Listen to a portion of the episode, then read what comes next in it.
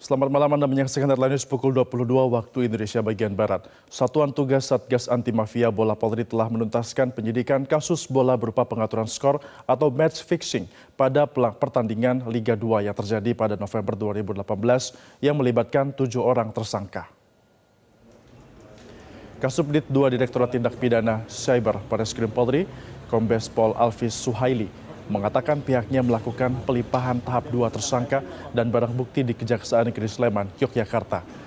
Total ada delapan orang yang ditetapkan sebagai tersangka, namun hanya tujuh tersangka yang dilimpahkan dan dinyatakan penyidikan tuntas.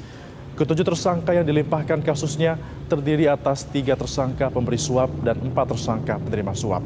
Ketujuh tersangka yakni M. Reza Pahlevi, Khairuddin, Ratawi, Agus Setiawan, Dewan Tonugroho, Figit Waluyo, Figit Waluyo dan Kartiko Mustika Ningtyas.